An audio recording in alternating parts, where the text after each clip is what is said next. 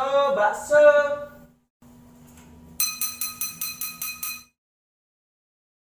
Kembali lagi di Biasa Bicara masih bersama saya Dodi Wahyono dan kali ini ada yang baru di Biasa Bicara. Di episode kali ini saya akan memperkenalkan satu konten baru namanya Bahaya Bicara.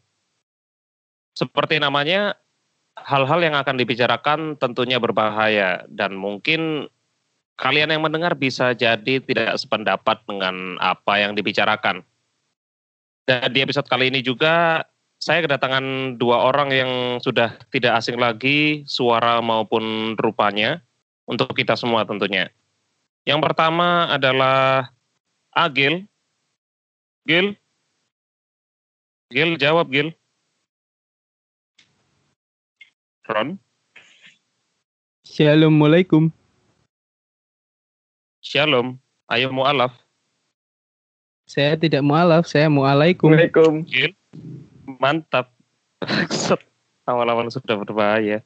Oke, untuk episode kali ini yang akan kita bahas adalah kerja keras itu tidak perlu. Hah? Kerja keras? Apa sih kerja keras itu? Jadi ketika eh, diri kita itu melakukan sesuatu dan kita totalitas terhadap hal yang kita tekuni yang kita lakukan itu yaitu kerja keras. Dan yang namanya kerja keras ya segala cara itu dilakukan untuk mencapai tujuan. Kuncinya di segala cara itu tadi. Tapi bukan berarti mengkesampingkan eh, cara halal atau tidak halal bukan seperti itu juga ya. Tapi yang jelas kalau kita bisa kerja 100% ya kenapa harus 50% kayak gitu kan? Ya bisa dibilang gitu sih. Tapi em, kadang ada ada kalanya katakanlah tadi kayak yang dibilang Roni ya. Kita kerja keras dengan 100% itu bisa, tapi kenapa harus 50%? Tapi ada juga masa ketika kita harus kerja katakanlah 120% gitu, ada sesuatu yang berlebih, yang lebih keras yang dilakukan eh, dalam mengerjakan atau menyelesaikan sesuatu. Nah ini yang menurut saya sebenarnya eh, tidak perlu gitu. Karena memang ya tidak ada gunanya. Tidak ada gunanya untuk kita, hanya berguna untuk orang lain yang ada malah sedikit lebih merugikan kalau saya bilang ya. Iya, benar. Kalau itu sih saya juga sependapat. Karena memang kalau masuk kalau misalnya kita berbicara dunia kerja ya seringnya dihadapkan kepada situasi yang itu. Padahal sudah berusaha diantisipasi tapi tetap saja situasi seperti itu selalu muncul. Nah, itu yang menyedihkan sih. Gak tahu Ya, kalau Mas kalau Hmm. kalau kalau sampai itu ya, kalau sampai kita mengeluarkan effort 120% itu kan namanya sudah berlebihan. Kan ya maksimal manusia kan effortnya 100%. Kalau 120% kita rugi dong. Iya, mending buat hal yang lain kayak investasi atau apa atau melakukan yang kita senangi gitu ya. Bisa bisa buat buat menyeimbangkan hal lain di hidup kita gitu ya. Bener, bener. Karena ini yang eh, saya alami juga gitu ya dan mungkin eh, kalian berdua atau yang mendengarkan mungkin juga ngalamin. Kadang kita udah sudah memberikan upaya atau usaha yang lebih pada satu hal, tetapi eh, apresiasi atau timbal balik yang diberikan itu tidak sepadan gitu atau memang tidak menganggap upaya atau usaha lebih yang ada ini ada. Jadi dianggap tidak ada, dianggap nihil gitu, dianggap ya biasa-biasa saja layaknya kerja yang orang lain lakukan begitu. Dianggap seperti kerja biasanya saja. Padahal tidak biasa gitu ya. Nah, bisa dibilang begitu. Iya. Orang-orang seperti itu itu orang-orang yang tidak melihat proses memang. Itu yang namanya kurang ajar. Karena sedih ya kalau misalnya segala sesuatu yang dilihat hanya hasilnya saja gitu. Padahal di balik hasil yang sempurna itu ada kerja keras yang istilahnya gila-gilaan gitu ya. Ya. Karena saya sendiri jujur sering dihadapkan pada situasi seperti itu gitu. Berulang kali disampaikan untuk sebisa mungkin eh, apa jauh-jauh hari itu ya. Kan saya juga apa kalau boleh sedikit cerita eh, diminta untuk mengelola bidang multimedia yang mana multimedia itu tidak bisa beberapa aspeknya itu tidak bisa dilakukan secara mendadak. Nah, itu.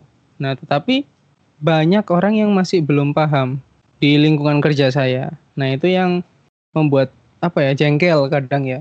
Karena kan sudah disampaikan berulang kali berulang kali tetapi tetap saja situasi mendadak itu muncul. Iya, eh, kalau menurut saya memang eh, kita sering menjumpai seperti itu. Dan ya sekali lagi benar yang dikatakan Mas Roni bahwa kita juga perlu melihat prosesnya. Seperti apa kita mencapai hasil itu, itu kan ada prosesnya, mulai dari persiapan, terus penggarapan, sampai pada akhirnya kita mencapai hasil itu tadi. Nah, eh, kebanyakan yang saya temui itu memang sama seperti yang di lingkungan Mas Roni tadi bahwa oh hasilnya seperti ini oke okay. padahal untuk mencapai itu kan ada prosesnya nggak nggak pernah dicek oh bagaimana pak pengerjaan selama selama pengerjaannya seperti apa? Itu nggak nggak pernah atau jarang atau bahkan tidak pernah dilihat. Dan itu ya memang menjengkelkan atau mungkin ya kita perlu edukasi sih. Kalau menurut saya itu itu termasuk cuma kurang edukasi sih sebenarnya.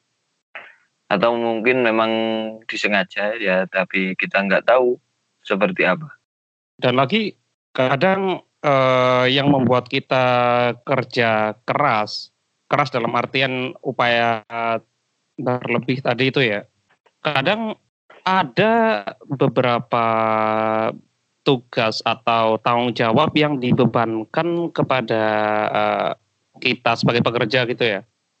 Yang sebenarnya itu tidak masuk di tugas pokok, tapi bebannya bahkan bisa melebihi tugas pokok itu sendiri. Atau paling tidak menyamai gitu. Itu yang sering saya temukan sih. Katakanlah uh, tugas pokok kita adalah melakukan A. Lalu kita dituntut untuk uh, melakukan B tapi di saat yang sama kita juga dituntut untuk melakukan A secara 100% dan B juga harus 100%. Itu kan sudah dua hal yang harus dilakukan secara maksimal.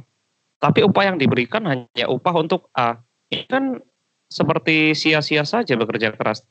Malah tidak ada juntrungannya, tidak ada apresiasinya, tidak ada maknanya. Buang-buang waktu kan. Ya, kalau kalau menurut saya itu bahkan sudah sudah bisa saya katakan sebagai perbudakan di mana di perjanjian kita cuma dibebani oleh A. Tugas kita adalah A. Tapi kata Mas Dodi tadi kita juga pada akhirnya dibebani dengan pekerjaan B. Tapi pada hasil akhirnya yang dihitung dan yang dihargai hanya untuk pekerjaan A, sedangkan pekerjaan B tidak dipandang seperti itu ya. Hmm. Itu kan kalau bagi saya matamu kenapa kamu nggak pandang ini padahal kan saya juga mengerjakan ini iya paling tidak paling tidak ini kan bisa di yo kita nggak munafik bahwa kita butuh butuh apresiasi dan apresiasi itu bentuknya yo nggak nggak nggak harus ya nggak harus materi mungkin hanya dengan diperhatikan ada pertanyaan-pertanyaan bagaimana Pak prosesnya seperti ini, seperti ini. Terus oh bagus ya Pak seperti ini, seperti ini. Terima kasih. Ya, paling enggak itu kan ada kata terima kasih. Syukur-syukur kalau ada nasi kotaknya, kalau ada amplopnya. Itu kan paling tidak kan ada penghargaan di sana. Kalau enggak enggak kalau enggak dipandang sama sekali itu bagi saya sudah masuk perbudakan. Gila, bener banget. nah, cuman uh, kalau bicara melawan perbudakan yang disampaikan secara halus ini yang sebenarnya juga kadang jadi mikir gitu. yang maksudnya mikir gimana ya di satu sisi sumber pemasukan yang utama dari tempat itu. Tapi di satu sisi juga kita uh, apa dirugikan. Merasa dikerjai. Uh, tetapi di satu sisi lagi belum ada cadangannya. Nah itu yang Hmm. sulit. Tapi justru permasalahannya di situ nggak sih? Seperti yang tadi eh, kamu katakan, kita belum ada cadangan sumber dana dan sedangkan kita di eh, beri kepercayaan untuk mengerjakan hal lainnya yang juga porsinya sama-sama tinggi dan tuntutannya sama-sama tinggi, katakanlah demikian. Nah, akibatnya kita jadi harus meluangkan lebih banyak tenaga dan juga waktu, bahkan mungkin biaya ya untuk mengerjakan hal itu. Akhirnya kita tidak bisa mencari sumber penghasilan lain atau mungkin beristirahat gitu. Ya katakanlah kita jadi kehilangan waktu untuk hal lain dalam hidup, tapi kita hanya terfokus pada hal yang sejujurnya tidak berdampak baik, malah berdampak buruk pada kita sendiri. apalagi kalau sampai kita mengeluarkan biaya lebih ya untuk melakukan satu hal yang tidak mendapatkan apresiasi itu kan duh, bro saya di sini nggak diapresiasi.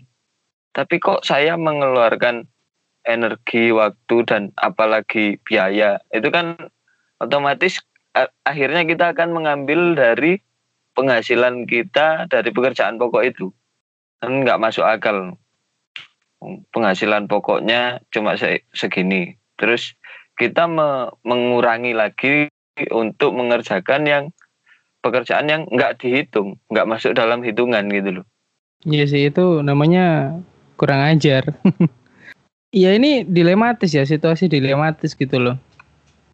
Makanya itu cara melawan yang paling halus ya dengan cara menunjukkan realitanya gitu. Misalnya ada eh, apa tugas untuk ini, ada tugas untuk ini, ada tugas untuk ini. Ya tetap kita kerja sesuai kemampuan kita gitu ya. Kalau kita mampunya sekarang hanya ini ya ini. Kalau kalau cara melawan saya akhirnya seperti itu gitu. Karena ya sempet lah istilahnya saya menggenjot performa saya. Ya memang bisa, tetapi itu tidak bisa bertahan lama gitu. Maksudnya ya saya harus memperhatikan kesehatan fisik dan mental saya juga gitu loh. Tidak semata-mata hanya oke sudah selesai ini. Tapi malah mengabaikan yang diri kita sendiri itu kan jadi bumerang. dan uh, pemberian kerja yang berlebih ini biasanya atas dasar yang pertama karena kita bisa, sekedar karena kita bisa. Yang kedua uh, karena tidak ada orang lain yang mau dan mampu untuk mengerjakan hal itu. Dan yang ketiga karena ya sudah terbiasa aja, kayak uh, katakanlah terbiasa memberikan kerja pada kita. Kita dipercaya untuk melakukan hal ini atau karena kedekatan. Kita dirasa uh, cukup dekat dengan orang ini untuk mengerjakan hal ini ya atas dasar itu. Jadi tidak ada pertimbangan berlebih atas uh, kesehatan kita atau uh, hal lain apa yang ingin kita kerjakan dalam hidup. Sepertinya itu uh, faktor yang dikesampingkan gitu. Ya kayak dilupakan ya tentang waktu kita dan sebagainya itu seperti dilupakan ya. Iya, harusnya kan untuk memberikan satu pekerjaan lebih itu kan pembuat kebijakan harusnya itu kan menggunakan apa namanya indikator-indikator oh pekerja A ini di sini jam kerjanya berapa jam sih? Terus pekerjaan utamanya itu menyita waktu berapa sih? Apakah full dalam jam kerja itu dia mengerjakan itu? Apakah hanya separuh jam kerja dia sudah bisa menyelesaikan itu sehingga ada ada waktu kerja yang lowong dan kita bisa memberikan kerjaan pekerjaan tambahan itu kan harus harusnya juga diperhatikan. Nah ini yang yang sering terjadi adalah kita bahkan bekerja melebihi dari jam kerja yang seharusnya. Kalau misalnya jam kerjanya 8 jam nih.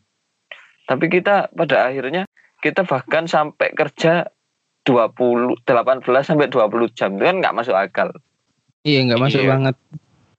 Ya itu saya juga pernah merasakan hal itu dan itu wah ngefeknya setelah beberapa hari off, nah itu baru kerasa. Padahal ya kita tahu bahwa fisik dan mental itu malah kuncinya untuk kesuksesan setiap hal yang kita lakukan gitu loh. Jadi kayaknya nggak perlu deh kerja keras. Eh, buat apa kita kerja keras kalau pada akhirnya kita hanya eh, me- me- eh, menyakiti diri kita sendiri, merugikan diri kita sendiri. Itu untuk apa? Padahal eh, substansi dari kerja itu sendiri kan sebenarnya untuk menopang hidup.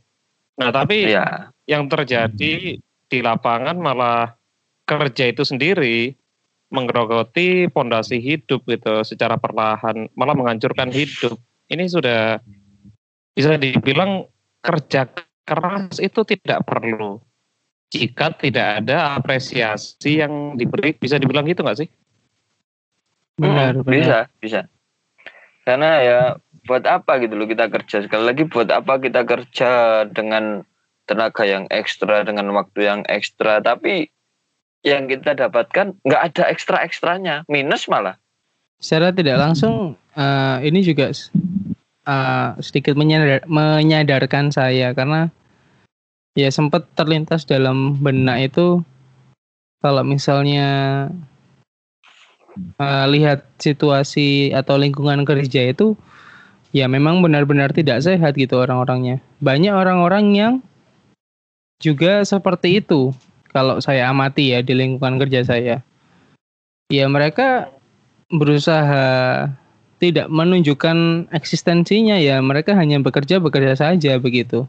Iya, akhirnya yang kena dampaknya ya orang yang memang eh, dikenal ulet atau tekun atau yang memang tidak sengaja atau secara kebetulan hadir di tempat itu. Karena dipikir wah tidak ada orang nih, wah ada orang ini. Ya sudah orang ini saja yang bekerja keras. Hmm, Jadinya- ya, bener banget.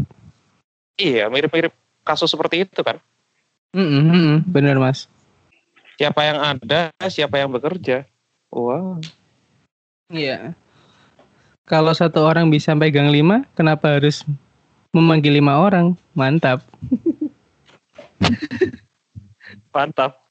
Tapi masalahnya sekarang gini, katakanlah eh, kerja keras memang tidak perlu ya. Nah, eh, kira-kira solusi untuk orang-orang yang memang bekerja terlalu keras ini, kira-kira gimana ya? ya kalau dari saya seperti ini saja. Kalau kita sudah merasa jangan cok aku kerja kok terlalu keras ya? Kalau kita sudah punya kesadaran itu punya punya keresahan ini keresahannya keresahannya bahwa duh aku kok sudah terlalu keras ya sepertinya bekerja ya.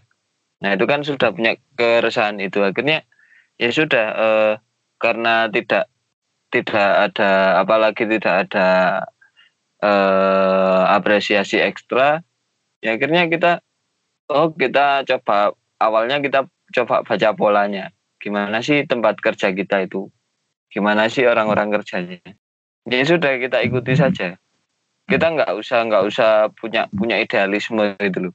Nggak punya nggak ya idealisme itu perlu tapi kita harus tahu bagaimana cara menempatkan idealisme kita. Bahwa kalau kita harus bekerja sempurna tapi nggak ada nggak ada apresiasinya ya buat apa? Pada akhirnya yuk itu akan menyiksa diri kita.